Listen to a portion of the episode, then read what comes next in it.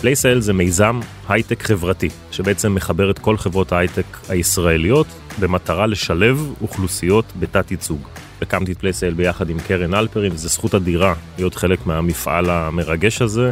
הגיע הזמן שבהייטק הישראלי אנחנו נראה עוד אנשים מקבוצות שאנחנו פחות רואים, שאנחנו נראה יותר ערבים, שנראה יותר חרדים, שנראה יותר חבר'ה מהפריפריה, ויותר דרוזים, ויותר יוצאי אתיופיה, ויותר חיילים קרביים, ויותר אנשים בעלי מוגבלויות. יש שם טאלנט, יש שם חבר'ה שלמדו, שהוכשרו, שרוצים ללמוד, שרוצים להיכנס להייטק, ואנחנו צריכים לתת להם את הצ'אנס, כי אנחנו נהנה מזה.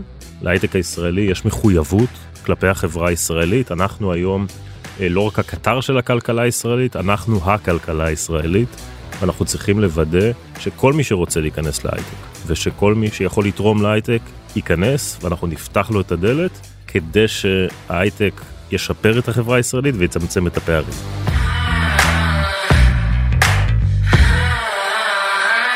איציק קרומבי איזה כיף שאתה פה אה, ואנחנו בעצם רוצים אתה יודע אנחנו חברים הייתי מאוד שמח לנצל את השעה הקרובה אה, קצת לדבר איתך ובעיקר לשאול את כל השאלות שאנחנו כהייטקיסטים מפחדים לשאול כשאנחנו עובדים עם חרדים. אנחנו מאוד רוצים אנחנו ביחד עובדים מאוד מאוד קשה כדי שההייטק יפתח את הדלתות לאוכלוסייה חרדית. ואולי זו הזדמנות דרך הסיפור שלך גם וכנראה אתה האיש הכי מתאים בישראל בטח שאני מכיר לדבר על הדבר הזה אז אולי תתחיל קצת בלספר uh, מי אתה איציק רומבי. אהלן שלום uh, קודם כל כן כיף גדול שאני פה. Uh, קודם כל בכלל לשבת ככה לדבר גם אם לא היה פה מיקרופונים ועניינים בכלל כיף אה, לשבת לדבר. אה, איציק קרומבי אני בעצמי אה, עבדתי בהייטק אה, קרוב לעשור גם בכל מיני חברות התעסקתי בעיקר בעולמות של מערכות מידע אחרי זה הקמתי חברה בתחום של professional services וסטארט-אפ גייסנו כסף מכרנו אותו. בשבע שמונה שנים האחרונות אני מתעסק בממש אתגר יום יום בלנסות לשלב חרדים בהייטק. אה, באמצעות מגוון אה, לא קטן של תוכניות תוכנית הגדולה ביותר שהשקנו סך הכל בשנה האחרונה נקראת מיגו אפשר לדבר עליה קצת mm-hmm. איזה תוכנית הכשרה לגברים חרדים להייטק. אה, ארוכת טווח שנה וחצי לימודים חמישה ימים בשבוע שמונה שעות ביום מימון מלא ללימודים מלגת קיום תהליך איתור ומיון משמעותי מיומנויות רכות בקיצור כל ממש כל המעטפת ניגע בזה.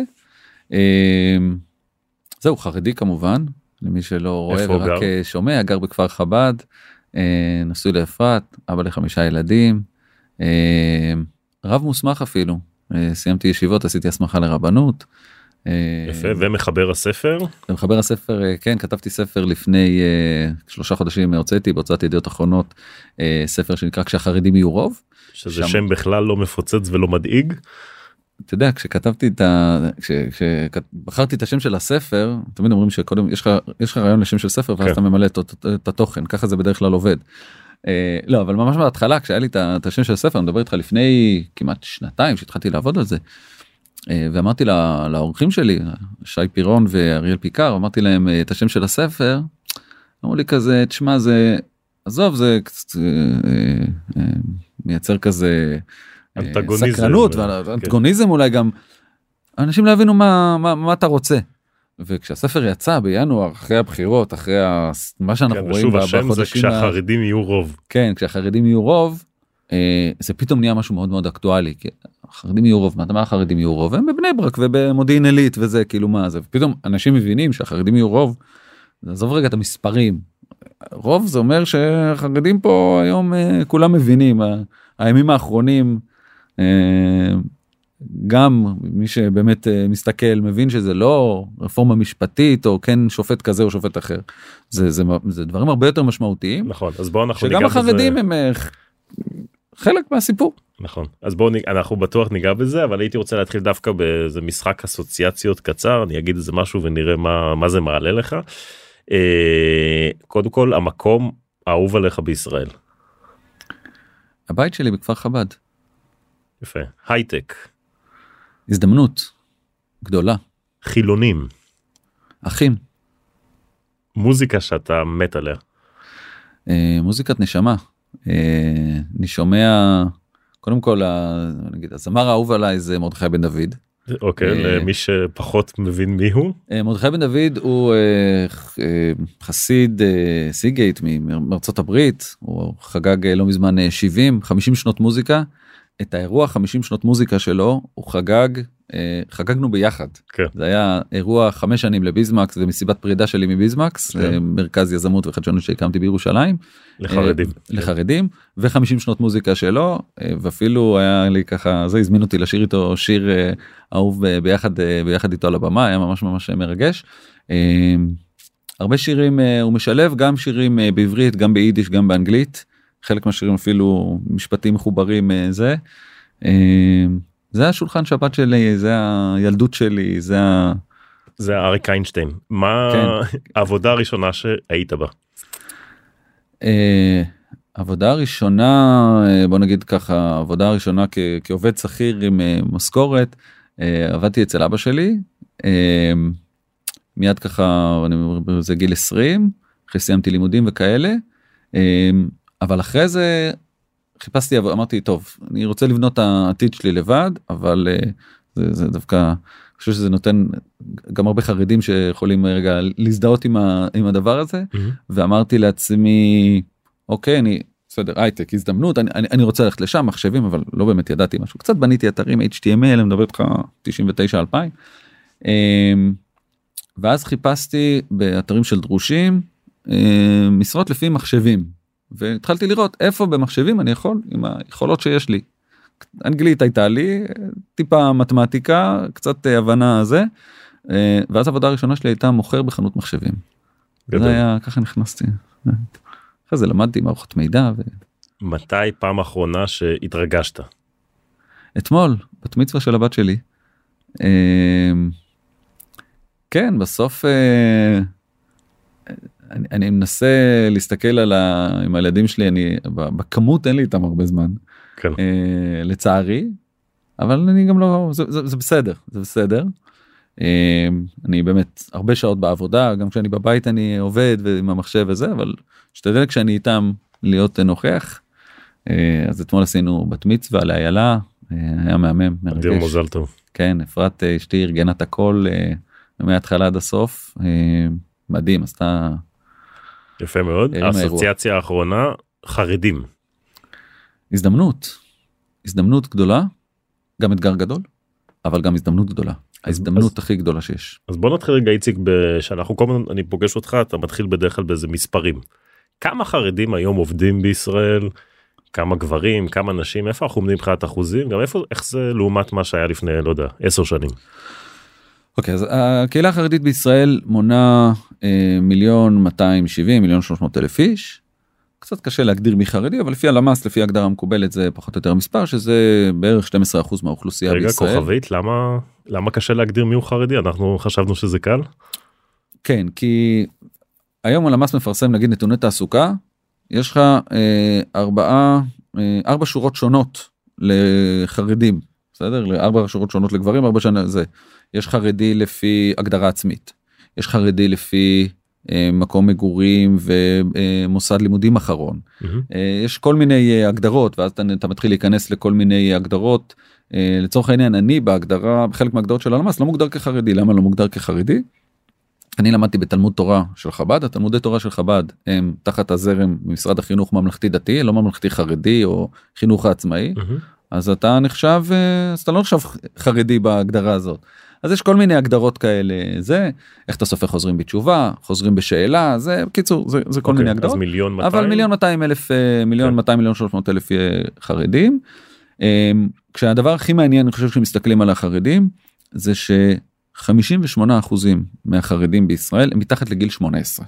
זאת אומרת זו אוכלוסייה מאוד מטורף. מאוד צעירה עם קצב גידול הכי גבוה בעולם המערבי. זה הקהילה עם הקצב גידול הדמוגרפי הכי גדול בעולם המערבי. מסתכלים על אחוזי תעסוקה. אז נכון להיום אנחנו מדברים על זה ש... בוא נדבר על הגברים חרדים יש פשוט אה, מערכות שונות מאוד במערכות הלימודים כל ההסללה הכל מאוד מאוד אה, נפרד ושונה אה, בין גברים לנשים אז גברים חרדים היום 53% מהגברים החרדים עובדים 53 אחוז נכון. מהגברים החרדים עובדים. נכון לעומת 87 גברים יהודים שאינם חרדים בסדר אה, זאת אומרת פער מאוד מאוד אה, אה, גדול רגע שאלה לגבי ה-53 אחוז שכן עובדים הם עובדים אז זהו אז אז קודם כל אנחנו מסתכלים על זה אני, אני, אני נוגע בשכר אוקיי. 53% מהגברים החרדים עובדים האחוז הזה הוא אה, מ-2015 אותו דבר היה 51 אחוזים 52 אחוזים בסדר נקודת אחוז לפה נקודת אחוז לשם זה לא משהו שהוא משמעותי. אה, אבל לעומת לפני 20 שנה האם יש איזושהי מגמה או שזה כן ולא. כן כי אתה מסתכל אה, קח את אה, 1996. אחוז תעסוקה של גברים חרדים אנחנו מדברים משהו בסביבות ה-35-34 אחוזים אוקיי. באמת אה, אתה אומר וואי יש גידול מדהים. הנקודה שאני מסתכל עליה זה מה פער בין אחוז התעסוקה של גברים חרדים למה, לאחוז התעסוקה של גברים יהודים שאינם חרדים. אתה מסתכל נכון. על, ה, על, ה, על הפער הזה ואתה רואה שמ-96 עד היום הפער ב-96 היה 34.5 אחוז הפער היום הוא 34.4 אחוז. זאת אומרת הפער לא, נש... לא, לא השתנה אלא מה? בעקבות הרבה שינויים אגב שלא רק בישראל קרו בכל העולם זה קרה יותר אנשים יותר עובדים אחוזי אבטלה יותר נמוכים אחוזי תעסוקה נכון. בכל העולם אמ, ולכן גם יותר גברים סתם יהוד, יהודים שאינם חרדים לא יהודים שאינם חרדים ווטאבר יותר עובדים ולכן בסוף הפער נשאר אותו דבר וכמובן שגם זה, זה השפיע על החברה החרדית. מהמם. יש כמובן גם דברים כמו קיצוץ הקצבאות, הקצבאות וחוק הגיוס וכל מיני דברים כאלה שמשפיעים ספציפית על החרדים אבל בסוף אתה מסתכל על המגמה המגמה הזאת 20 שנה אנחנו באותו באותו דבר. והדבר היותר חשוב לדעתי או לא פחות חשוב זה מה השכר של גברים חרדים לעומת גברים שאינם חרדים. חרדים. גבר חרדי מרוויח בממוצע 55 אחוזים מהשכר הממוצע של גבר יהודי שאינו חרדי. זה cross the board בלי עוד לא דיברנו על הייטק.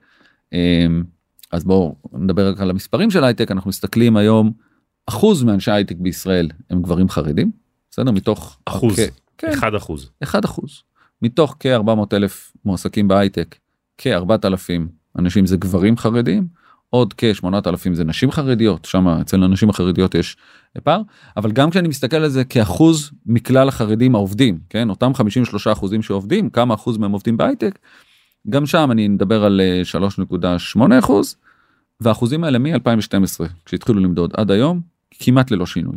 זאת אומרת במספרים אנחנו גדלים אבל האוכלוסייה גדלה החברה האוכלוסייה גדלה בקצב כל כך משמעותי ברור בטח שה- לעומת האוכלוסייה הלא חרדית רגע ואמרת התחלנו עם גברים נשים כמה נשים חרדיות עובדות היום אז וכמה נשים, מתוכן עובדות בהייטק אז נשים אחוז התעסוקה של נשים חרדיות הוא אה, גבוה מאחוז התעסוקה הממוצע בישראל. אה, יש שם גם נשים ערביות אצל נשים ערביות יש אתגר אה, בפני נכון. עצמו משמעותי אה, אתגר אחר.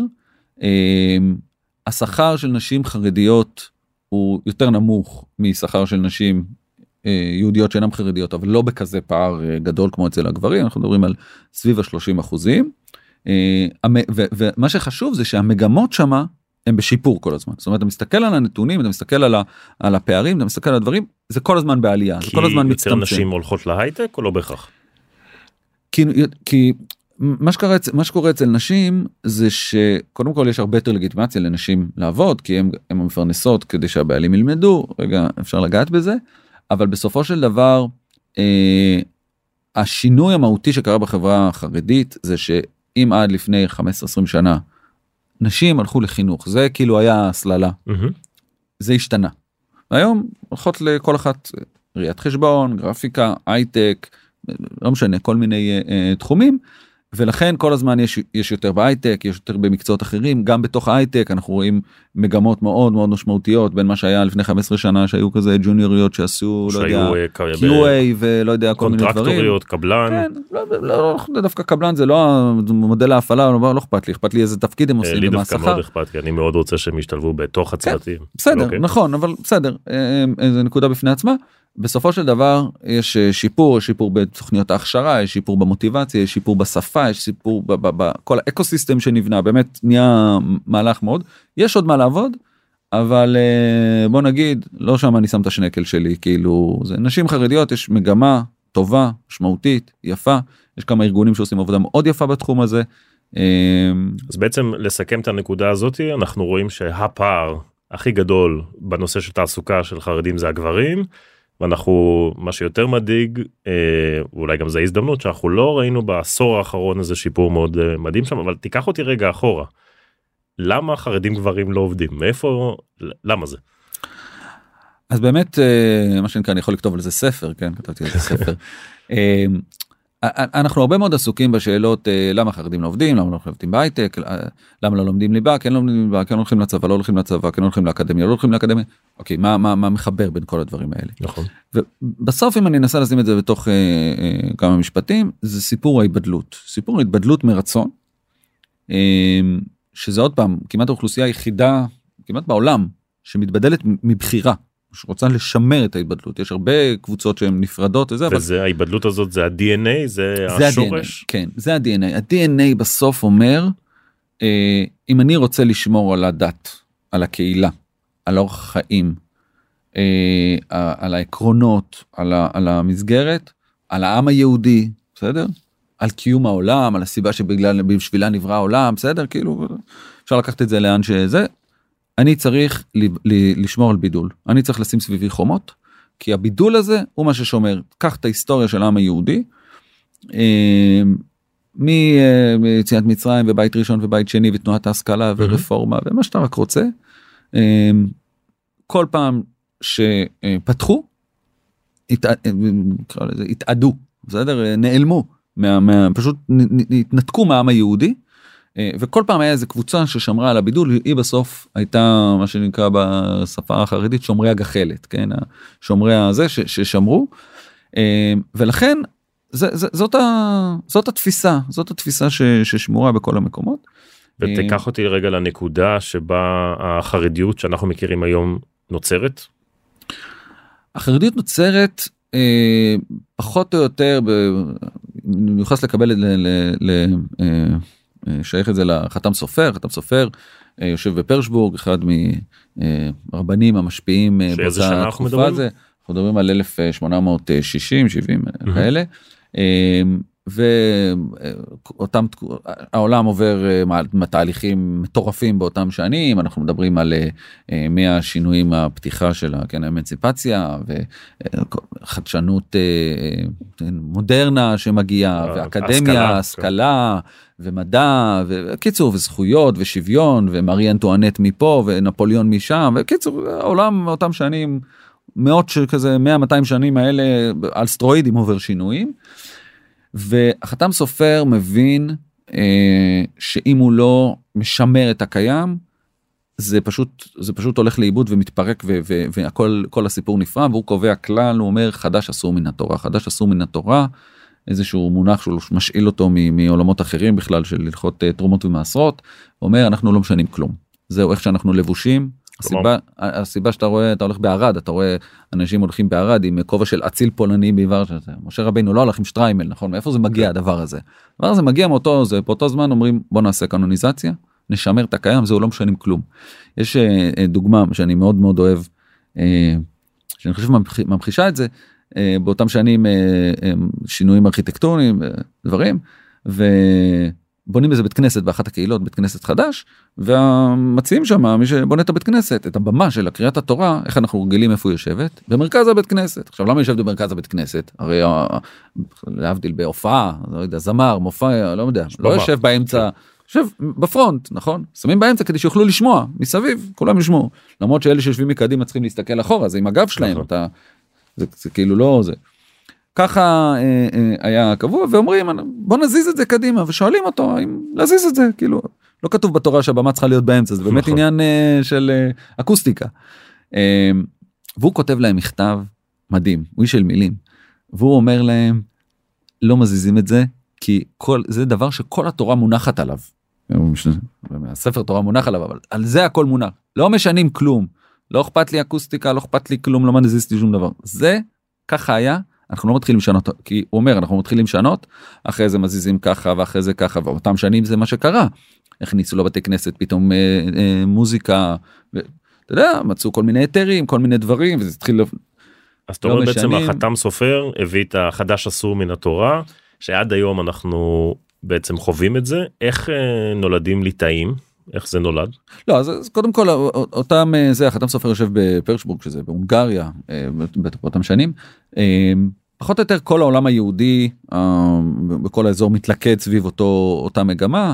אין להיכנס היה באותם שנים גם קצת אחרי זרמים שונים מהגר"א שבעצם הציבור הליטאי יותר מתייחס לעולם הלמדני וה, והישיבתי והבעל שם טוב ואחרי זה אדמו"ר הזקן וככה למנהיגים שהיו יותר באזור של רוסיה ששם באמת בלרוסיה רוסיה לבנה שלחו קצת לגישות טיפה שונות mm-hmm. אבל אבל אבל אני חושב שפחות או יותר כל העולם רוב העולם שם החרדי התלכד לאותו זה כמובן שהיו זרמים אחרים מציונים שנים הרבה שנים אחרי זה ומשכילים ומודרנות וקיצור כל הדברים אבל אני חושב שאחד הדברים המשמעותיים שקרו זה דווקא פה במדינת ישראל זאת אומרת mm-hmm. החרדיות כמו שאנחנו מכירים אותה היום זה לא החרדיות בהכרח שהייתה באירופה בסדר מה שקרה במדינת ישראל בשלב באותם שנים התאבות אני חושב אגב ששם שם גם נולדו שורשי האתגר הגדול שאנחנו מתמודדים אותה היום נולדו שם ואני חושב ש... ברור. אתה מדבר על 48 בן גוריון. אני מדבר על אותם שנים כן לא הפגישה המפורסמת של בן גוריון זה 1952 קצת אחרי אבל. מגיעים משפט על הפגישה המפורסמת. הפגישה שבה בעצם נקבע הסדר של תורתו אומנותו. שנייה רגע אני, אני, אני אגע בה אני חושב שהסוגיה המרכזית זה שאנחנו צריכים להבין זה בעצם אחרי המלחמה מגיעים לפה פליטים ובעצם קוראים פה הם, הם, הם, אותם מנהיגים כן החזון איש שהיה המנהיג הרוחני המרכזי פה בציבור החרדי. Mm-hmm. בגדול גם אפשר לקרוא במכתבים שלו ובתיעודים שיש. הוא אומר תשמע מצד אחד הפיזית הכל נחרב.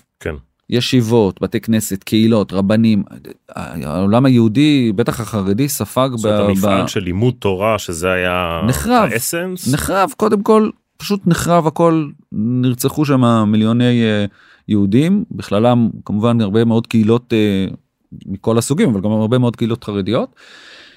וצריך להקים את זה מחדש, אנחנו פשוט צריכים להקים עולם uh, שנחרב.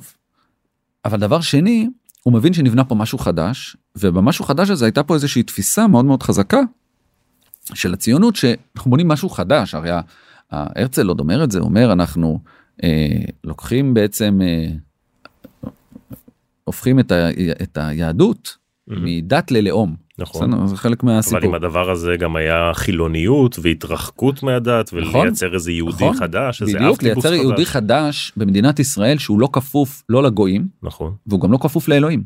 הוא עומד בפני עצמו. נכון. והחרדים אומרים רגע הדבר הזה הוא עוד יותר מסוכן אז מה קורה?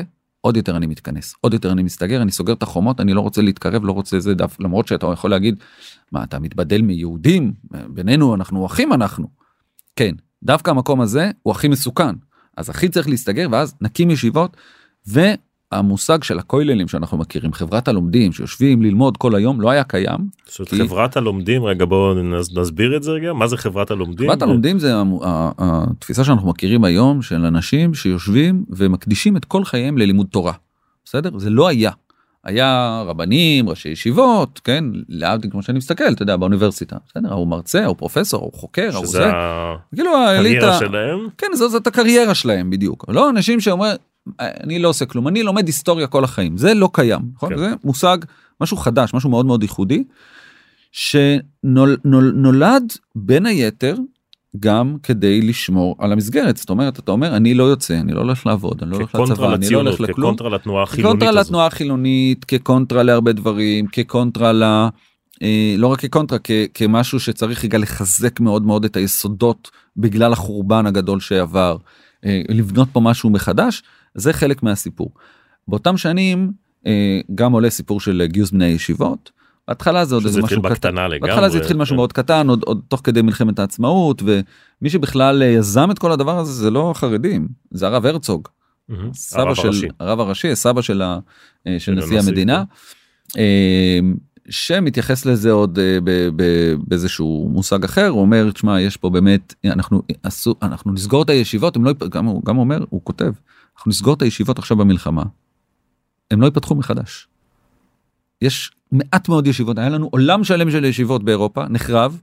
יש ניצנים של ישיבות שרק הקימו עכשיו מתחילים כן. אם עכשיו נסגור אותם מלחמה לא נפתח אותם מחדש אחרי זה זה, זה ייעלם אנחנו חייבים לשמור את המסגרת שחרר את 400 איש האלה שח... אתה מדבר בן גוריון שחרר. כן הוא מבקש מזה זה, זה לא בן גוריון עוד אה, המפקדים יותר אה, אה, איך קראו לו שם לא זוכר. שלב מסוים העסק מתחיל לזה גם מתחילים עם מסמך סטטוס קוו עניינים בלאגן. 1952 1952 בן גוריון אומר אני רוצה להבין רגע את הסיפור קצת יותר ומגיע לפגישה בבני ברק אצל החזון איש. והוא מגיע אה, לפגישה והם יושבים והוא מתאר אחרי זה את ה... אה, ביומן שלו את הפגישה הוא אומר אני מגיע לבית צנוע יושב על כיסא רעוע איש אה, איש רוח באמת שתי ענקי רוח באמת כן. כאילו לא משנה רגע דעות ועניינים באמת שתי אנשים ש... שבנו כל אחד אה, בתפיסתו שלו בנו את החברה כמו שאנחנו מכירים אותה היום אה, ועוד הרבה דברים אחרים כמובן. ויש מאוד אה, משל אומר לו אנחנו עגלה המלאה עגלה הריקה אתה מכיר טוב מכיר ו... את הדוגמה רועד בכיסא כשאני שומע את זה כן אנשים כן. רועדים בכיסא שזה בקצרה החזון איש אומר לו יש מביא לו איזה משל אומר לו יש שתי עגלות שעולות בדרך יש עגלה אחת מלאה עגלה אחת ריקה למי אתה צריך לתת מקום כשיש שביל צר אז העגלה הריקה צריכה לחכות לתת לעגלה המלאה כי תוך כדי עלייה אם אתה תעצור היא תידרדר אחורה אנחנו העגלה המלאה אתם העגלה הריקה. בסדר לא בטוח שהקבלה כמו שהיום נוהגים להשתמש באי הזה אבל בסופו של דבר זה היה הדיבור. ואז, ואז זה בעצם אומנותו תורתו אומנותו כן לא נחתם בדיוק באותו באותה פגישה אבל. ואני חושב שהדבר הכי מעניין להבין בסיפור הזה. אה, זה אחרי הפגישה הזאת. הבן אדם היחיד שהיה בפגישה בחדר היה יצחק נבון שהיה מזכיר של בן גוריון ולימים נשיא, נשיא המדינה. המדינה ושר החינוך. שר חינוך. ו... ושואלים אותו אחרי לא מעט שנים מה הם חשבו לעצמם שהם הסכימו לזה. נכון. 400 איש תראו לאיפה זה הגיע מה מה מה קרה שמה. והוא אומר אני חושב את המשפט שבאמת אה, בסיס להבנה של מה שקורה פה גם היום. הוא אומר כל אחד חשב שעוד מעט השני לא יהיה. בן גוריון אמר 400 איש תשחררו ניתן להם עוד מעט כולנו נהיה פה ציונים קיבוצניקים אנחנו בונים פה טקטית. כן אנחנו בונים פה חברה חדשה ישראלית כולם בסוף הם יזרמו אם יתחברו לזרם. והחזון איש חשב הפוך אמר אנחנו עוד רגע מגיעים פה גם עוד עולים אנחנו בקיצור כל החר... הוא אמר כל החרדים יהיו חילונים הוא אמר כל החילונים יהיו חרדים כל אחד חשב. אם החזון איש היה עכשיו מגיע לאותו רחוב בבני ברק הוא כנראה היה אם בן גוריון היה מגיע ל... וחזון איש כן. הוא היה מגיע לבני ברק הוא היה מאמין מה נולד מהמפעל הזה.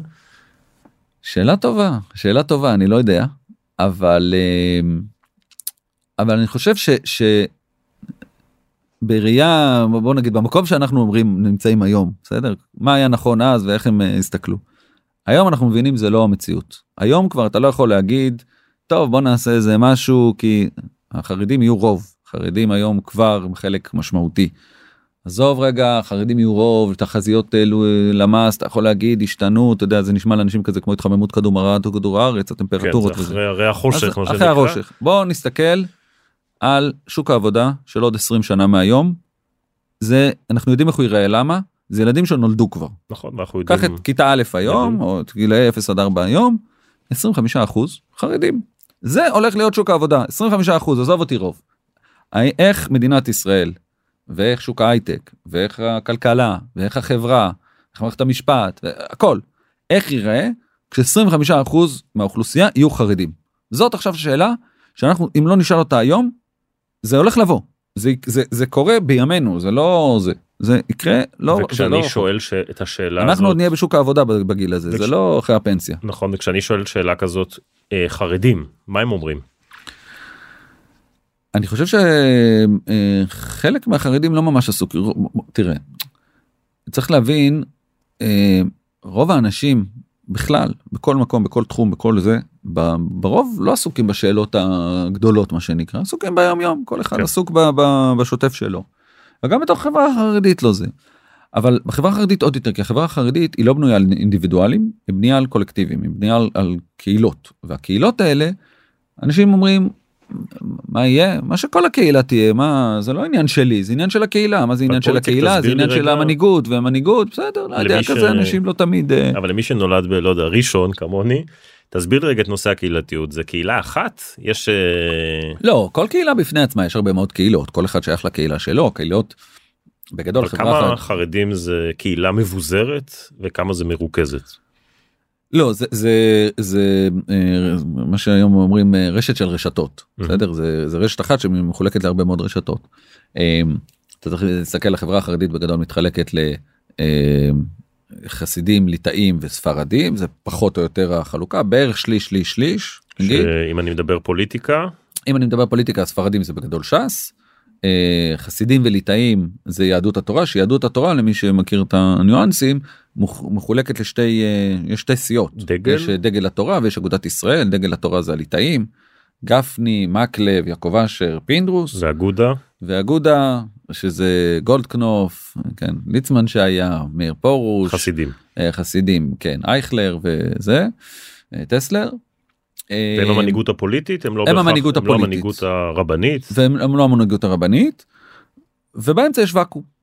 ובאמצע יש ואקום זה בוא נשים את זה רגע גם על השולחן אם אנחנו כבר אה, שהוא ואקום שתמיד היה או שהוא ואקום שמתפתח? ואקום שהולך וגדל.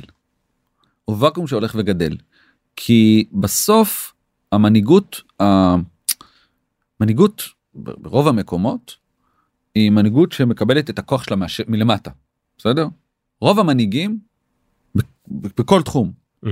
גם גם מנהיגים עסקיים בחברה בסוף מקבלים את הכוח שלהם מלמטה הכוח שלהם משם הוא מגיע. Mm-hmm. המנהיגות החרדית הפוליטית לא מקבלת את הכוח שלה מלמטה, היא מקבלת את הכוח שלה מלמעלה, מהמנהיגים הרוחניים. Mm-hmm. והמנהיגים ולכן הם, הם כאילו הם מדווחים ללמעלה הם לא מדווחים ללמטה כן. והם גם לא נותנים דין וחשבון ללמטה הם נותנים דין וחשבון ללמעלה. אז איך זה שיש ואקום? וה, והציבור, והציבור מצביע בתוך הקהילה כי זה מה שהמנהיגים הרוחניים אומרים וזה מה שהם וזה מה שגורם להם לקשר ולהיות חלק מהקהילה. Mm-hmm. אבל היום יותר ויותר יש אנשים בציבור, אה, הרבה, שכן מסתכלים רגע אחרת על המציאות, רוצים גם מנהיגות אחרת, רוצים דברים אחרים, אבל מצד שני הם אומרים לעצמם רגע אני לא קובע איך תראה המנהיגות שלי, אני צריך שהרבנים יקבעו. והרבנים אני רוצה להגיד משהו על זה הרבה פעמים אומרים רגע מה המנהיגות החרדית איפה היא נמצאת? היא... על הרבנים לא יודע עכשיו סביב סיפור הדמוקרטיה. כן או קודם הקורונה. או קודם הקורונה המנהיגות החרדית ברובה הרבנית לא תופסת את עצמה בטח הליטאית והספרדית אולי החסידית קצת יותר כמנהיגים של הציבור. אומר לך הרב אדלשטיין אני ראש ישיבה אני האזור שלי התחום שלי זה לדאוג לישיבה כן. אני תגיד לי לא יודע תבוא אליי תגיד לי תשמע יש בעיות שאין אה, לילדים אה, גינות אה, משחקים. מה, מה, מה, מה, איך אני קשור לזה? כן. אין דמוקרטיה יש דמוקרטיה בית משפט לא בית משפט זה קשור ל... אני ראש ישיבה. כן הם לא רואים לעצמם הם לא, הם לא רואים את עצמם תפקיד תפקיד אחריות אני יש לי אחריות על העתיד של הציבור על הבריאות של הציבור על זה ברור שיש להם אחריות. אז ברור שזה אבל בסוף פאסט פורוורד לעכשיו אנחנו מדברים על הייטק אה, מה הרבנים, מה המנהיגים של הציבור החרדי אומרים על זה שיותר ויותר חרדים רוצים להיכנס להייטק? אז רצת קדימה אבל, אבל, אבל אני אעשה את הלינקג' כי אני חושב שזה הסיפור. Mm-hmm. בסוף יש אה, אז למה חרדים לא עובדים אז למה חרדים לא לומדים ליבה לא הולכים לצבא לא הולכים לאקדמיה לא עובדים לא הולכים להייטק טה טה טה טה טה או בהיקפים קטנים, קטנים יחסית. כי בסוף יש איזשהו קונפליקט בין אורח החיים הרוחני לאורח החיים הכלכלי. זאת התפיסה הרווחת. זה, זה, זה, זה הנרטיב. ככל שאני אלך, אני לא יודע, אני אלך לאקדמיה, אני אלך ללמוד רפואה, אבל אני אשלם על זה מחיר רוחני, בקהילה, בכל.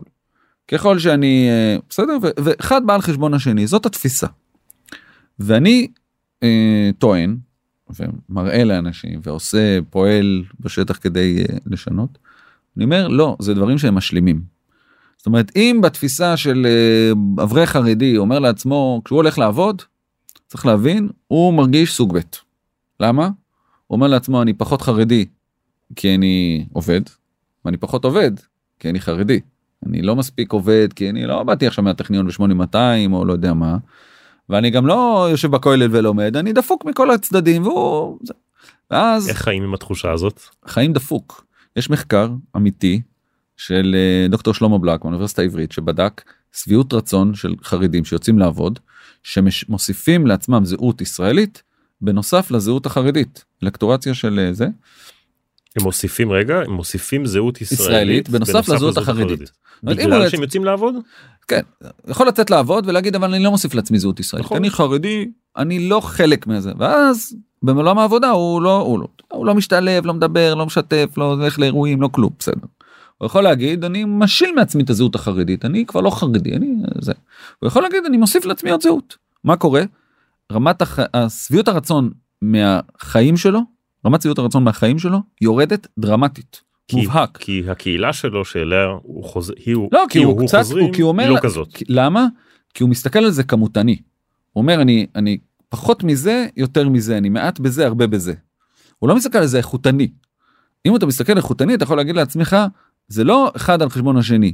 אני רגע שלא יישמע מתנשא אבל אני מרגיש זה האורח חיים שלי בחרתי באורח חיים אני חי אורח חיים חרדי ושומר תורה ומצוות אני חושב שאני יותר טוב ממישהו אחר שהוא לא שומר תורה ומצוות כי אני מקיים את הייעוד שלי כיהודי דתי ואני גם יותר טוב ממישהו שלא עובד כי אני מקיים את הייעוד שלי כי זה הייעוד שלי אז אני כחרדי שעובד אני הטופ של הטופ. בסדר אני אני כל, כל אחד אני מאמין שרוב האנשים חושבים כמו שאני חושב שמה שהם עושים שמה שהם מאמינים בו הם עושים אותו. הם מממשים את הייעוד שלהם או שואפים לממש את הייעוד שלהם נכון. כן. אבל חלק גדול מהחרדים לא הוא אומר לעצמו אני הולך לעבוד אין לי ברירה אבל יש לי איזה קונפליקט ואני מרגיש דפוק. ואז אתה לא מצליח בעצם לייצר את השינוי הזה. וכמה התחושה הזאת שלך שאתה אומר השילוב הזה אני חי איתו לא רק שאני חי איתו טוב אלא זה הייעוד שלי כמה התחושה הזאת שלך היא תחושה רווחת תחושה לא היא לא אם היא הייתה רווחת אז הייתה אז אז אז לא היינו יושבים פה הם כולם היו כמוני העולם היה לא לא אז אז אז חלק מזה זה עניינים של תחושות ועכשיו אני שואל על הרבנים זה אני חושב שזאת הנקודה שניסיתי כן. לחבר. אם הרבנים אתה, אתה בא אתה עושה לא משנה תוכנית אנחנו עושים את תוכנית מיגו בסדר. אנחנו יושבים הרבנים שתוכנית מיגו זה תוכנית להכשרה של גברים של חרדים דברים חרדים להייטק. שבאים עם רקע אקדמי לא באים בלי רקע בכלל מהמם. אה, חלקם מגיעים עם קצת אנגלית תוכנית חלקם של שנתיים מתמטיקה. שנה וחצי שנה וחצי לימודים מהמם. כמו שאמרנו חמישה ימים בשבוע שמונה שעות ביום הרבה אוקיי, מעורבות אז של אתה בא חברות עם הייטק התוכנית עם מיגו אז אנחנו יושבים עם הרבנים כדי אה, להציג להם כדי לח... ל... ל... ל... בעיקר שאנחנו בעיקר אומרים להם תגידו לנו מה לא לעשות בסדר מה לעשות אנחנו יודעים תגידו לנו איפה זה. בסדר אנחנו עכשיו התוכנית היא בהפרדה ויש אינטרנט מסונן ויש אה, זה בקיצור הכל הכל הכל מותאם כמובן הכל באדרין והכל בתוך הקהילות החרדיות הכל. זה יש לנו כבר מאות משתתפים פתחנו את התוכנית לפני הכיתה הראשונה פתחנו בספטמבר 22 יש לנו כבר 250 תלמידים בתוכנית. פותחים עכשיו את המחזור הבא באמת ה- היעד זה להגיע ל-2000 איש תוך שלוש שנים. והרבנים אומרים ש... ואז אתה הולך ל, ל, לרבנים ואתה אומר לו תשמע אני אין פה קונפליקט. פירקתי את הקונפליקט. הנה אתה יכול להיות גם חרדי וגם להיות במיגו. בלי התלמיד במיגו אנחנו עושים הכל כדי לא להשפיע בשום צורה לא לחיוב ולא לשלילה לא על אורח החיים שלנו. רגע אבל בסוף אבל איציק בסוף אה, ואני מאוד מקווה שמיגו תהיה סיפור הצלחה ואני מאמין שהיא תהיה סיפור הצלחה מאוד גדול. אז המאות חרדים שאתה תכשיר בסוף ייכנסו לחברות הייטק כן. ועד כמה שאני זוכר בחברות הייטק אין הפרדה נכון ולא תמיד יש אינטרנט ולא תהיה גם מסונן, הפרדה וגם לא תהיה הפרדה אה, ואני מניח שאתה אומר את זה גם לרבנים נכון אז מה הם אומרים על זה אז אני אומר להם דבר מאוד פשוט אני מייצר לו את התשתית. לאפ... אני, אני חושב שאגב ש... בסדר רגע שנייה. אני, כי רוצה להוסיף על זה משהו. אה, אני מייצר לו את התשתית כמו אגב אצל נשים חרדיות אני מייצר לו את התשתית לשמור על האורח חיים שלה. חלקם יעבדו בחברות אה, בתוך הקהילה יש כל מיני חברות אה, בתי תוכנה קטנים או כל מיני דברים כאלה. חלקם ילכו לעבוד בסטארט-אפים ברוטשילד או ב... לא יודע בנמל תל אביב. וחלקם ילכו לעבוד במשרדי ממשלה וחלקם יעבדו במולטינשיונל קומפניז כל אחד יבחר לעצמו את המקום. ו- ו- וידעו.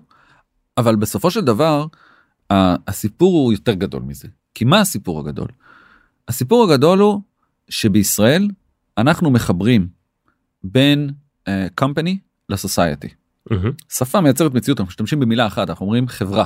חברה זה גם חברת פאלו אלטו חברת מייקרוסופט וגם זה החברה החרדית החברה הבדואית כן. החברה whatever הקהילה. כן. הקהילה. ה- החיבור הזה הוא אני חושב בא מהכור ההיתוך וכן כן. כל הדברים האלה אני חושב שהוא חלק מהבעיה. דווקא ההייטק הוא המקום הכי קל מהבחינה הזאת מעניין. כי ההייטק? מייצר בגדול בהייטק יש תרבות אה, בוא נגיד הכי הרבה תרבות הכי אמריקאית יחסית כן אה, זה.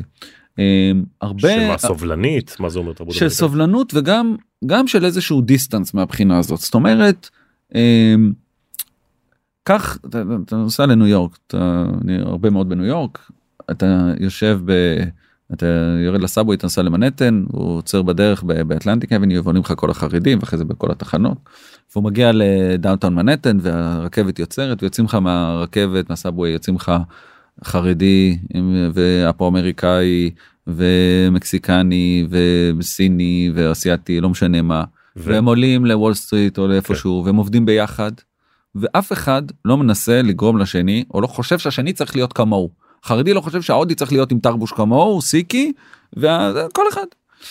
אנחנו עובדים ביחד ואנחנו יש מאוד כבוד ל- ל- לשונה נכון. ארה"ב אתה לא שואל בן אדם כמה הוא מרוויח ולא למי הוא מצביע.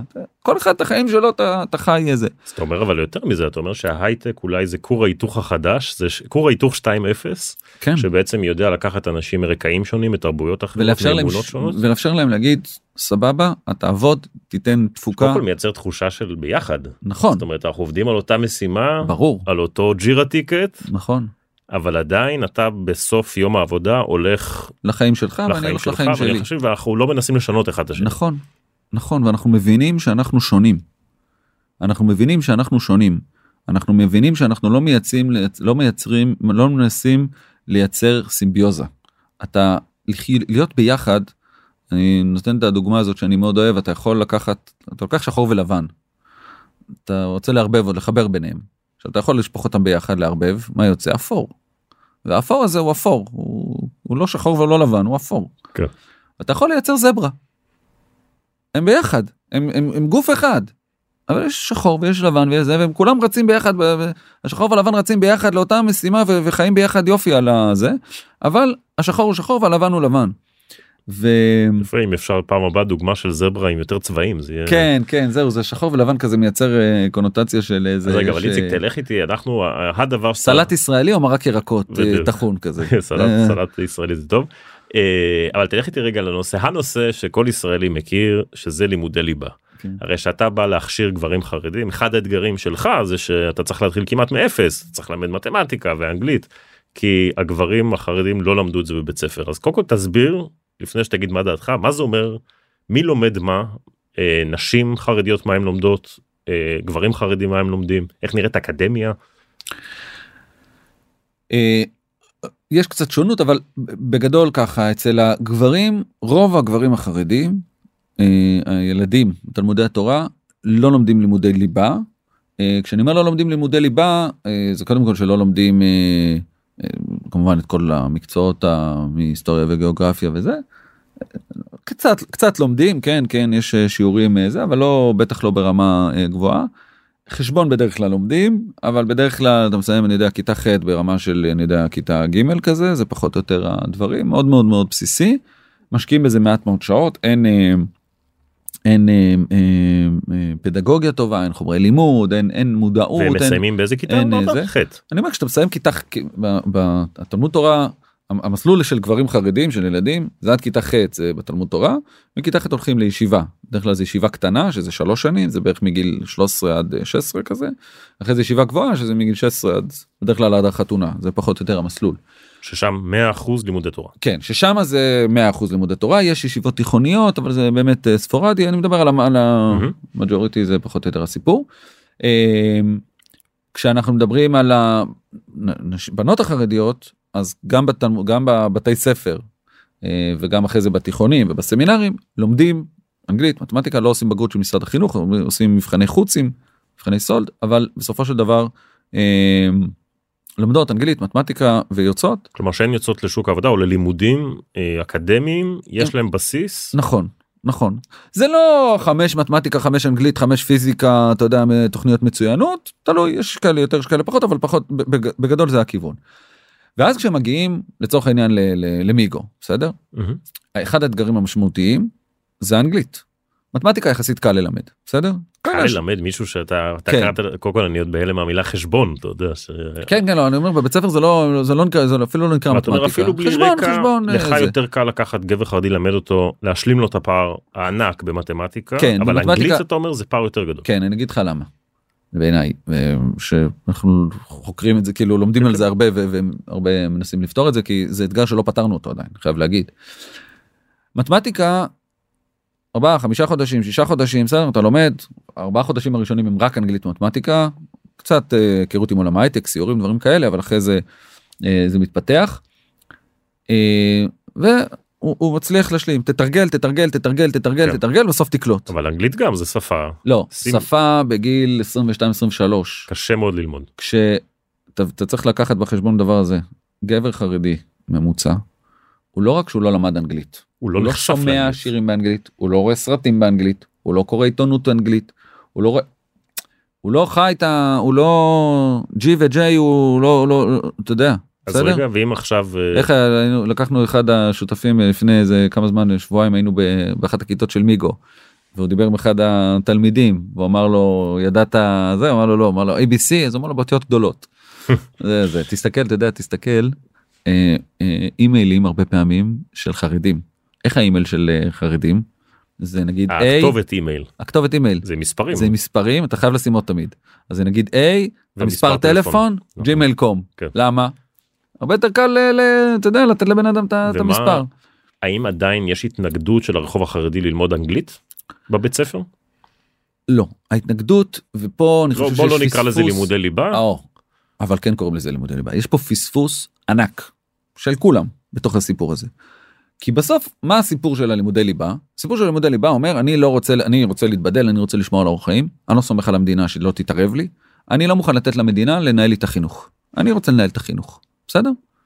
שרגע אני חייב להגיד זה משפט שנכון גם למגזר החילוני. גם כן, חילונים החרדי- לדעתי גם אה, חילונים לדעתי עדיף שהמדינה תתערב פחות. המדינה בוא נגיד ככה ב- עד לפני חצי שנה בוא נגיד רוב החרדים רוב החילונים אמרו בסדר שתתערב אבל כל עוד שהיא מתערבת כמו שאני רוצה פחות או יותר זה, זה, זה איפה שהוא לא ממש הפריע לאף אחד.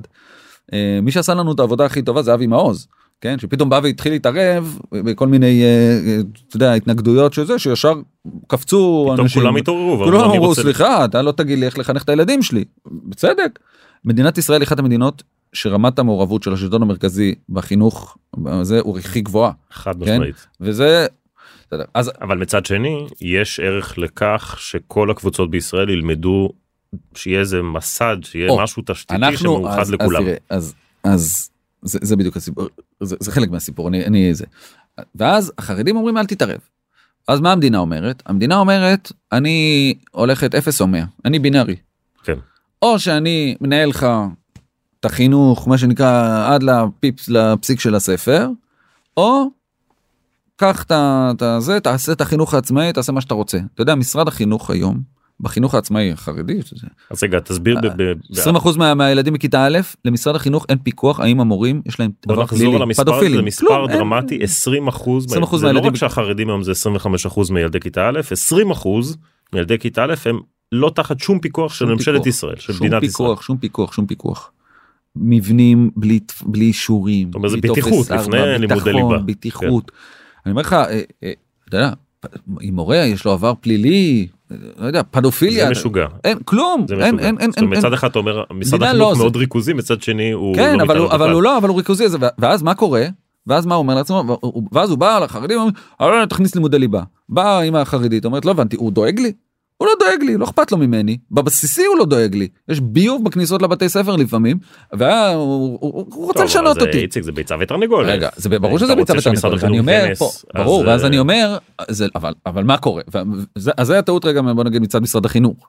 מה קורה מצד החרד- החרדים? החרדים אומרים אה בסדר אז לא אז אנחנו עושים לבד אז אנחנו לא עושים בכלל. החרדים משרד החינוך יכל להגיד לעצמו צריך להגיד סבבה אני לא לא לומדים ליבה בוא נפקח ננהל אה, במה שצריך בדברים הבסיסיים. החרדים צריכים להגיד סבבה אתה לא אתה אני לא לוקח ממך אבל אני יש לי אינטרס שהילדים שלי ידעו אנגלית אני כבר אני אני משקיע שעות בחשבון אז במקום ללמד חשבון של רמה כיתה א' אני, אני אתן להם כלים עכשיו רגע אתה אמרת ושתי ש... הצדדים פה רדומים על, ה, על השולחן וזה אחד הדברים כי בסוף הפער הזה של 55 אחוז אה, אה, אה, שכר של גבר חרדי לעומת גבר של יהודי שאינו חרדי אתה חושב שזה רק הקושי הוא כשהם הולכים להייטק. אתה יודע מה אחוז מה השכר מה ההכנסה הממוצעת של פרילנסר עצמאי בעל עסק חרדי. בעל עסק חרדי שמוכר אה, כוסות חד פעמי מרוויח כמעט חצי מבעל עסק חילוני שמוכר למה? למה? כי אין לו כישורים ואין לו מיומנויות ואין לו מודעות וכן אנגלית מתמטיקה הוא לא יודע להשתמש בפייבר והוא לא יודע להשתמש. זאת אומרת אפילו 50 אחוז כבר 53 לא אחוז גברים שכן עובדים. אנגלית מתמטיקה זה לא ההייטק זה הדובדבן שבקצפת עוד עוד בבסיס. אפילו אלה שהגברים שעובדים אתה אומר יש שם פערים כל כך גדולים בשכר שנובעים מכישורים ונובעים ממיומנויות וממודעות. עכשיו הזכרת שרגע אני זה במתמטיקה אני עוד זוכר 20 אחוז מילדי כיתה א' הם אה, לא תחת פיקוח אבל זה אומר שחמישה אחוז הם כן. נכון. אז דבר במילה על הממלכתי חרדי האם הניסוי הזה הצליח האם זה העתיד שלנו. אה, הניסוי הצליח החולה קצת מת. אה, זאת אומרת זה זרם אה, שהמדינה מכירה בו נקרא ממלכתי חרדי.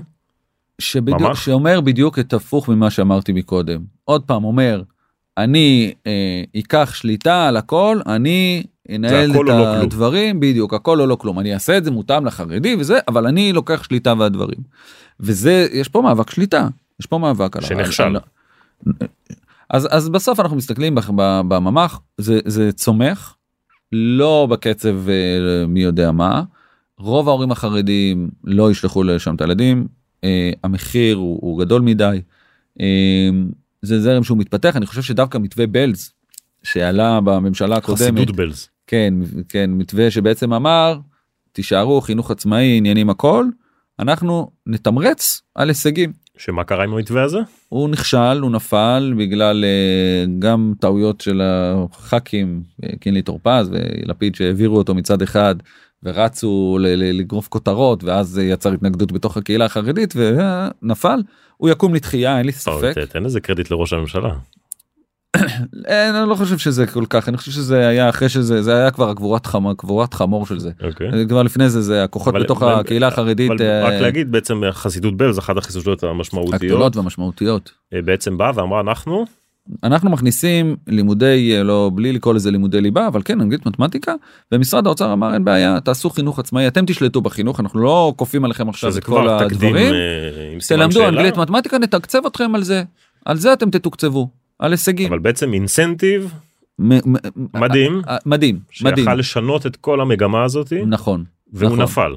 נכון בגלל פוליטיקאים שש... כדי שנהיה מאוזנים נגיד שני הצדדים של שני הצדדים גפני וחבורתו הח"כים החרדים שנלחמו על זה חזק מאוד וראש הממשלה שרצה וראש... לוודא ו... שיש פה שהמפלגה הזאת לא מת... כמעט פיצול בתוך יהדות התורה בין דגל התורה לאגודת נכון. ישראל על הסיפור הזה ושראש הממשלה נתניהו אה, נכנס אה, לעובי הקורה וזה והחליטו שמורידים את זה מה, מה, מהפרק. שאנשים לא מבינים אבל זה יכל אולי לשנות את ההיסטוריה. זה יכל לשנות את ההיסטוריה. של כל מדינת לשנות, ישראל של החיים. זה היה התחלה זה היה אמור זה, זה, זה, זה היה מצליח ואני מאמין ומקווה ואין לי ספק שזה זה, זה, זה, יקרה. אז רגע איציק בוא נחזור רגע להייטק עכשיו נראה לי שהבנו מה זה אני נגיד אני יש לי עובד חרדי בתוך הצוות שלי ואני בחברת הייטק מה אני לא יודע עליו. מה מעסיק אותו ממה הוא חושש. הוא חושש מש... הוא, הוא קודם כל חושש חרדי זה חרד כן הוא, הוא חרד כל הזמן הוא בפחד. אבל הוא הגיע הוא כבר חלק מהצוות הולכים לאכול צהריים ביחד דאגנו להזמין אוכל כשר נכון אבל הוא שאל את עצמו לפני שהוא עשה את הצעד הזה והוא שואל את עצמו כל יום האם אני אה, בצעד הזה הולך לשלם מחיר אישי שאני הולך לשנות את אורח החיים שלי שלא כמו שרציתי האם אני הולך להיסחף בסדר. אה, האם אני אה, מה שנקרא יכול לבוא לידי קלות ראש מזה שאני פתאום אאמץ לי איזה נורמות חדשות ויסחף למקום שלא רציתי ללכת אליו או לא וזה המקום שהוא שואל. אנשים אומרים רגע אני אצטרך לעשות הפרדה אני אצטרך להביא להקים בית כנסת לא לא לא לא בכל בניין משרדים יש לך איזה מניינים פה מניינים שם אנשים בהפסקה ההוא הולך ל... לא יודע מה לקנות אוכל והוא הולך לעשן סיגריה והוא הולך לחדר כושר והוא הולך לבית כנסת כל אחד עושה את הזה שלו אין אה, אין עניין ו, וגם אה, זה וגם האוכל הכשר באמת בטח בחברות הייטק שזה ההוא אוכל אה, כשר ההוא אוכל צמחוני ההוא כן. אוכל זה ההוא אוכל זה בסדר. הסיפור המרכזי זה האם האווירה תשפיע עליי לשנות את האורח חיים שלי. זה הפחד שלו. וככל שאני יודע להגיד לו תקשיב אני אבל באמת מקבל אותך כמו שאתה. אני לא חושב כמוך אני לא מאמין כמוך אני לא אבל אני מקבל אותך כמו שאתה אני לא מנסה לשכנע אותך. בישראל אני שומע את זה כל הזמן מעובדים חרדים. שלא קורה במקומות אחרים בעיקר לא בארצות הברית. השיחות מסדרון והשיחות בפינות קפה שלמה אתם ככה ואתם זה מה שמפריע. עכשיו זה, זה קצת עכשיו זה אה, מסר אתה אומר בעצם אה, מה שהיה מרגיע עובד או עובדת חרדים זה ההבנה שזה שהם ירגישו שאנחנו לא מנסים לשנות את אורח חייהם. נכון. זה מסר שצריך להגיד במילים או שצריך לעשות במעשים? גם וגם וגם. אני Mhm. חושב ש... אה, אתה לא יכול מה תעשה עכשיו איזה קוד אתי שתגיד לא מדברים פוליטיקה לא מדברים אה, זה ברור שמדברים. אבל המסרים הרבה פעמים זה אתם החרדים עושים ככה ואתם שנייה אני לא החרדים אני באתי לעבוד באתי לתרום אני עובד ב... לא יודע במייקרוסופט בגוגל ב whatever לא משנה מה. יותר זה- עצם זה שאני כאן זה כבר איזשהו מסע שאני עשיתי תראה זה הדבר זה עזוב אותי אה, אני זה הדבר שישפיע על מדינת ישראל יותר מכל דבר אחר. יותר מכל דבר אחר. אם אנחנו נצליח ל- ל- להתמודד עם האתגר הזה של שילוב חרדים בתעסוקה. ואם החברות יפתחו את הדלת אבל באמת יפתחו את הדלת. לא יגידו כן אני רוצה אבל אני לא לוקח ג'וניורים כן אני רוצה אבל אה, אלף תירוצים יש למה לא לקחת. מהמם. וזה לא רק תירוצים זה, זה, זה, זה אמיתי אבל צריך פה באמת לנער את השטח ולעשות בעצם איזשהו מאמץ לאומי לקלוט כמה שיותר עובדים אני אגיד עדיין אין מספיק עובדים חרדים מוכשרים בסדר בשביל זה אנחנו עושים פה הכשרה יש לנו כן. כיתות ירושלים בבני ברק באשדוד בבית שמש בחיפה אבל אתה אומר אבל- שזה הכשרה צריך מאמץ לאומי ואני אומר אפילו יותר מזה מאמץ לאומי צריך. אבל אנחנו צריכים מאמץ שלנו של הייטקיסטים. כן מאמץ לאומי צריכים- לא לא בממשלה זה עזוב אותי אנחנו החברות צריכים עצמם שהחבר'ה שעובדים שראשי הצוותים שהצוותים עצמם אה, יפתחו את הראש אה, ומה שהמסר שאמרת פה לדעתי הוא דרמטי. אה, זה שאנחנו מקבלים אנחנו לא רוצים לשנות אנחנו עובדים ביחד ובוא נדבר על המשימה המשותפת שלנו אנחנו לא מתפשרים על האיכות ממש לא אנחנו נכון. מתעקשים לה- להמשיך לעשות את ההייטק הכי טוב בעולם כי זה נכון אבל, שלנו. אבל אבל גם בזה גם בזה תשמע כמובן שלא מתפשרים על האיכות אבל הרבה פעמים אתה, אומר עכשיו לאיזה ראש צוות יש לו עכשיו פרויקט יש לו משימות יש לו דליברי שהוא צריך להביא והכל בסדר. ועכשיו אתה אומר לו תשמע תיקח עכשיו חרדי. הוא אומר בסדר אבל אני אקח חרדי עכשיו אני אצטרך אולי קצת יותר להתאמץ. לא לא לא כי הוא חרדי. בכלל לבעיית הג'וניורים ג'וניור לא כן. משנה כן ג'וניור בכלל אני צריך עכשיו יותר להתאמץ. מה זה? במקום שיביאו לי על אותו טיקט אני יכול לקחת שתי לראש ג'ו- הצוות הזה? אני יכול לקחת שתי ג'וניורים או אחד נכון. אה, סניור ועל אותו זה. נכון יהיה לי יותר יותר קל עם הסניור. אבל אני רוצה להגיד לו שני דברים. אני רוצה להגיד לו אחד כן תתאמץ. תתאמץ תעבוד יותר קשה. כן כי זה חשוב כן תעשה את המאמץ אה, הזה אל תתפשר על האיכות אל תתפשר על הדליברי אה, לא על המצוינות לא על הכל אבל כן זה ידרוש ממך יותר מאמץ להכשיר בהתחלה והכל תעשה את המאמץ הזה זה אחד. אה, והדבר השני אני רוצה להגיד ש... אתה יודע, אנחנו מדברים רגע דיברנו על הסיפור החברתי. כן.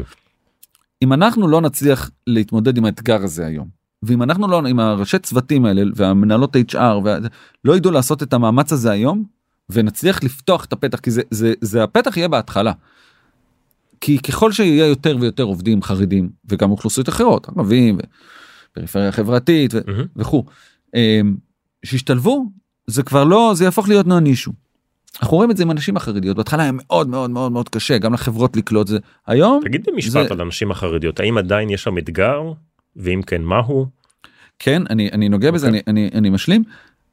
אתה יודע מה כן אני אענה על זה. אמ, כן יש אתגר לא דרמטי. אמ, 80 90 אחוז מ... יש בוא נדבר על המספרים יש היום בסמינרים החרדים כ-1200 1400 נשים בשנה. שסמינרים זה בעצם זה אקדמיה זה הסמינרים בעצם הוקמו כסמינרים להוראה שזה אחרי התיכון י"ג י"ד לנשים לנשים אה, שהיום יש בתוך הזה יש אה, אה, מסלולים מסלולי הכשרה מקצועית אה, מקבילים שאחד המסלולים המרכזיים הטובים אה, זה אה, הנדסת תוכנה הן עושות תואר של הנדסאי תוכנה. של כמה שנים? הן לומדות את זה על פני שנתיים שלוש תלוי בזה ובסופו של דבר ובסופו של דבר אנחנו מסתכלים על הבוגרות 80 90 אחוז מהבוגרות עובדות בהייטק בסדר חלקם עובדות בבתי תוכנה חלקם עובדות בפרויקטים ממשלתיים כאלה מרכבה וזה ב, לא יודע מתכנתת בביטוח לאומי וחלקם עובדות הייתי אתמול באינטל.